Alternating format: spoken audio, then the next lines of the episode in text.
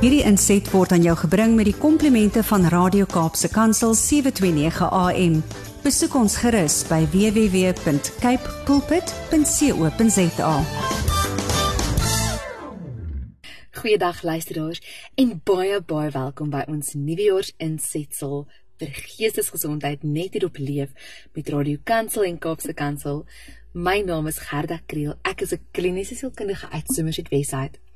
En as julle also met my en Andri gekuier het oor die afgelope paar maande, sal julle hoor dat ons oor Desember en Januarie 'n tema het waar ons sal fokus op die kweek van nuwe gewoontes, wenke en dinge wat jy kan doen om regtig die nuwe jaar vir jouself 'n beter plek te maak as wat die vorige jaar was.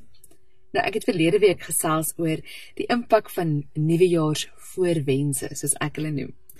Maar ek het ook gevoel ons moet fokus op drie belangrike gewoontes wat ons in hierdie nuwe jaar kan kweek wat 'n daadwerklike verskil aan jou geestesgesondheid kan maak. Ek gaan sommer reguit daarin spring en vandag met julle praat oor die belangrikheid van oefening. En ek wil hê julle moet regtig nader skryf en weet as ek hieroor praat, oefening is vir my een van die laaste dinge wat op my te doen lysie is en ek sal altyd kort paaie soek net waar ek kan, maar Vandag praat ek met julle as 'n professionele persoon en nou nie as 'n vriendin nie. So ek wil vandag met julle praat oor die waarde van oefening vir jou geestesgesondheid en wat die studies vir ons sê daaroor. Nou, as ons kyk na navorsing wat mense vergelyk wat antidepressante gebruik met mense wat geoefen het, vind ons dat oor 'n 30 dae periode het mense wat elke dag vir 30 minute per dag matige tot ligte kardiovaskulêre oefening gedoen het, dieselfde effek gehad op hulle gemoedstoestand as mense wat antidepressante gebruik. Hoekom is dit vir ons belangrik om te weet? Luister ons is baie eenvoudig. Wanneer jy dokter toe gaan en jy is depressief of dit gaan nie goed met jou gemoed nie, gaan jy dokter waarskynlik vir jou 'n antidepressant voorskryf en daar is definitief 'n plek daarvoor. Maar dis belangrik om te weet dat oefening ook 'n leefstylfaktor is wat jy in ag moet neem om moontlike verandering teweeg te bring. Inteendeel, is dit nie net iets wat jy moet oorweeg nie. Want die navorsing sê vir ons klink klaar. Oefening baat jou gemoed. Dit is een studie wat uitgekom het wat regtig interessant is en wat baanbrekers werk gedoen het in hierdie eh, bewys van die skakel tussen fisiese beweging en en oefening, maar ek wil vir jou verduidelik wat die neurobiologie agter dit is.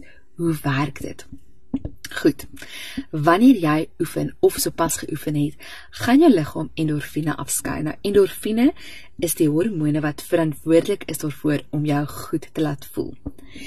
Die effek daarvan word gevoel reeds in die tweede helfte van jou oefening. So gewoonlik begin 'n mens oefen, sien jy maar jy gaan draf, dan gaan jy voel die eerste halfuur is verskriklik moeilik. Dit voel omtrent of jy nie kan beweeg nie.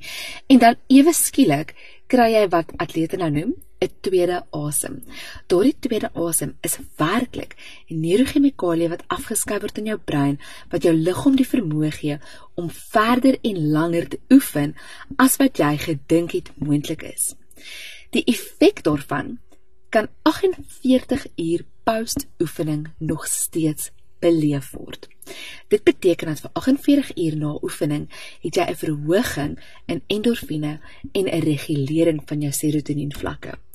Dit is ongelooflike goeie nuus vir ons as mense wat op 'n meer holistiese manier na ons geestesgesondheid wil kyk.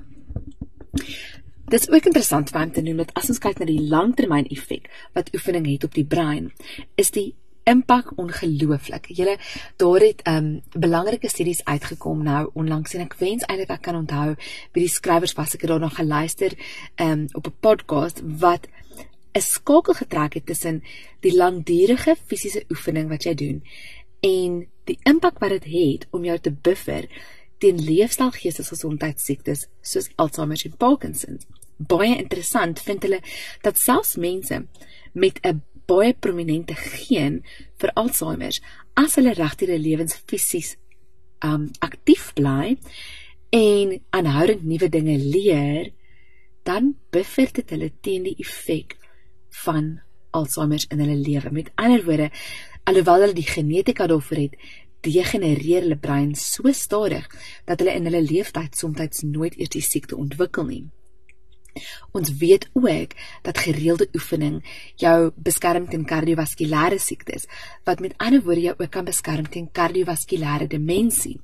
Julle dit is regtig waar belangrik om te besef dat oefening nie net 'n strategie of 'n deel van jou strategie moet uitmaak nie, maar oefening kan ook jou geestesgesondheidstrategie wees. Goed. Nou, as ons praat van oefening, waarvan praat ons? En ek weet, julle, dis begin van die nuwe jaar. Ek weet die gyms het julle almal al gebel om te hoor of julle nie lede wil word nie. Maar hokkie net daar. Moenie jouself in skuld sit of jouself in 'n moeilike finansiële posisie sit net om 'n sekere soort prentjie wat jy het van wat oefening moet wees na te streef nie.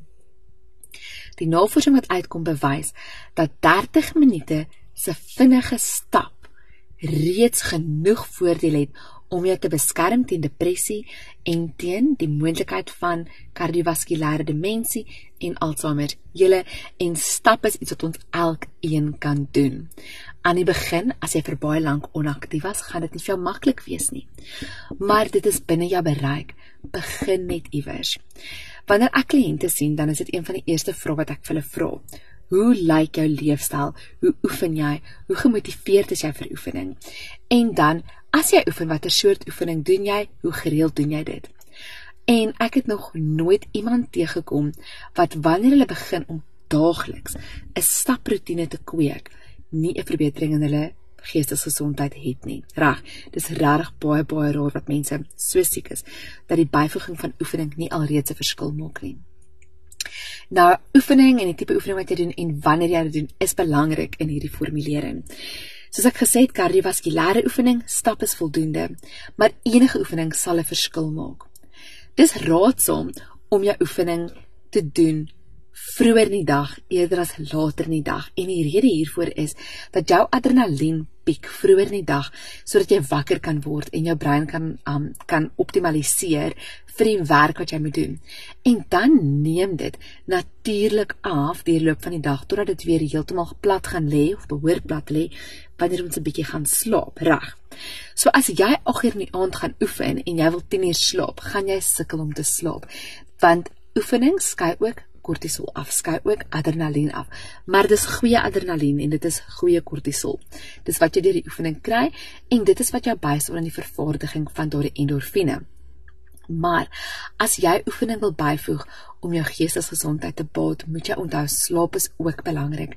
Ons gaan nou volgende week bietjie meer praat oor slaap, maar ek wil hê jy moet weet jy het nodig om jou oefening te doen vroeër in die dag as dit moontlik is en as jy 'n gedeelte daarvan buite kan doen, selfs beter.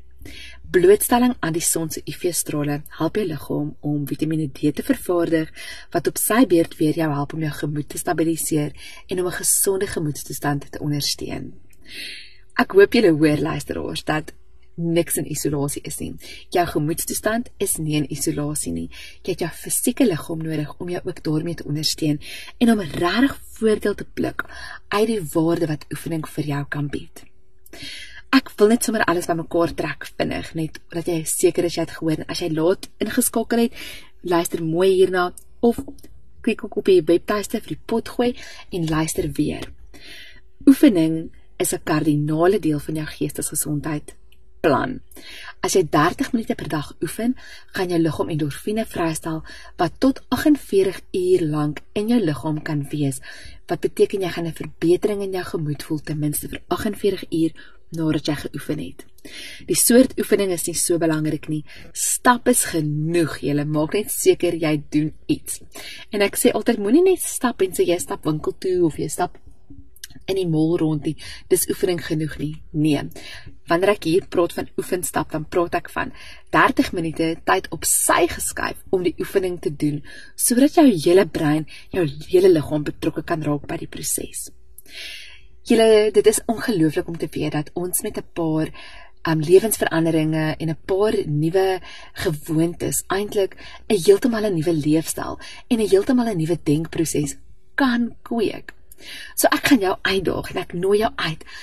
Kyk wat jy kan verander. Ons gaan deur hierdie maand 'n hele reeks doen. Ons gaan kyk na um eet en slaap en oefen, maar kyk watter veranderinge jy kan maak in jou lewe om jou geestesgesondheid te bevoordeel.